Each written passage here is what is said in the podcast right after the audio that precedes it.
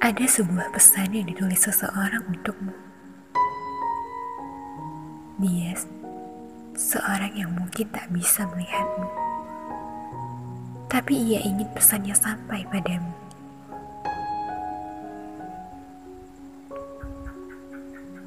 Biar ku perkenalkan siapa dia. Dia hanyalah seorang yang mungkin harapannya pernah jatuh dan runtuh.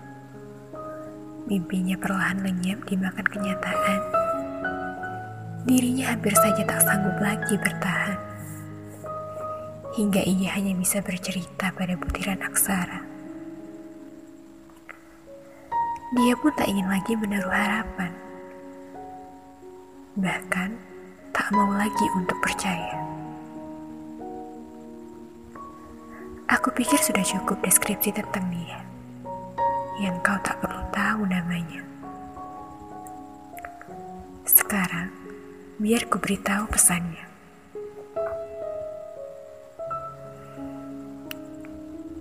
Dahulu aku sering merangkai mimpi.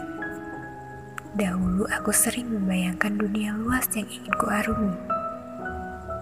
Dahulu, seseorang pernah mengatakan padaku, Jangan mimpi terlalu tinggi. Nanti kalau jatuh pasti sakit. Rasanya aku ingin tertawa. Karena aku hanya sering memainkan imajinasiku saja. Bahkan bercita-cita menjadi superhero seperti Batman, Superman, aku anggap kenyataan. Dan berperas cantik seperti Aurora, Cinderella, dan princess lainnya adalah cita-cita yang pasti tergapai. Menjadi profesor seperti di film kartun juga menarik. Dan banyak lagi hal gila dalam pikiranku.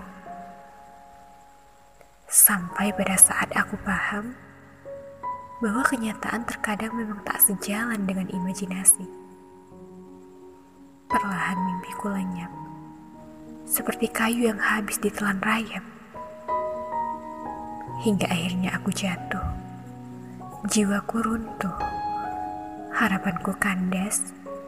Mimpiku terhempas. Dongengku sudah berakhir. Aku mengurung diri dalam sepi. Bahkan aku merasa mungkin memang tak ada tempat untukku di sini. Mungkin dunia memang sudah benci Berusaha ku kuatkan hatiku. Ku lawan sedihku. Ku yakinkan diriku bahwa duniaku belum runtuh.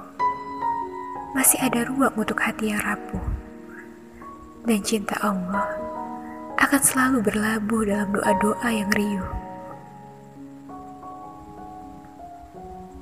Mungkin berat, namun aku berusaha kuat karena ini Aku yakin hanya sesaat.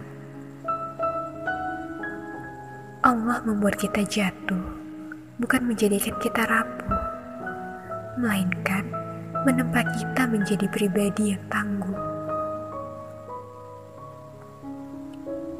Jika kalian sepertiku, dan pesan ini telah sampai padamu,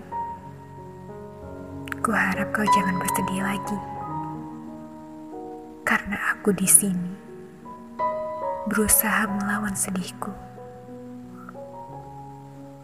Berjanjilah, kau akan tersenyum setelah menerima pesan ini. Duniaku, duniamu, dan dunia mereka sama. Hanya saja kita berada di situasi yang berbeda. Jika memang sudah tak pantas, mari kita cari ruang yang bisa menerima kita. Terima kasih telah mendengarkan ceritaku.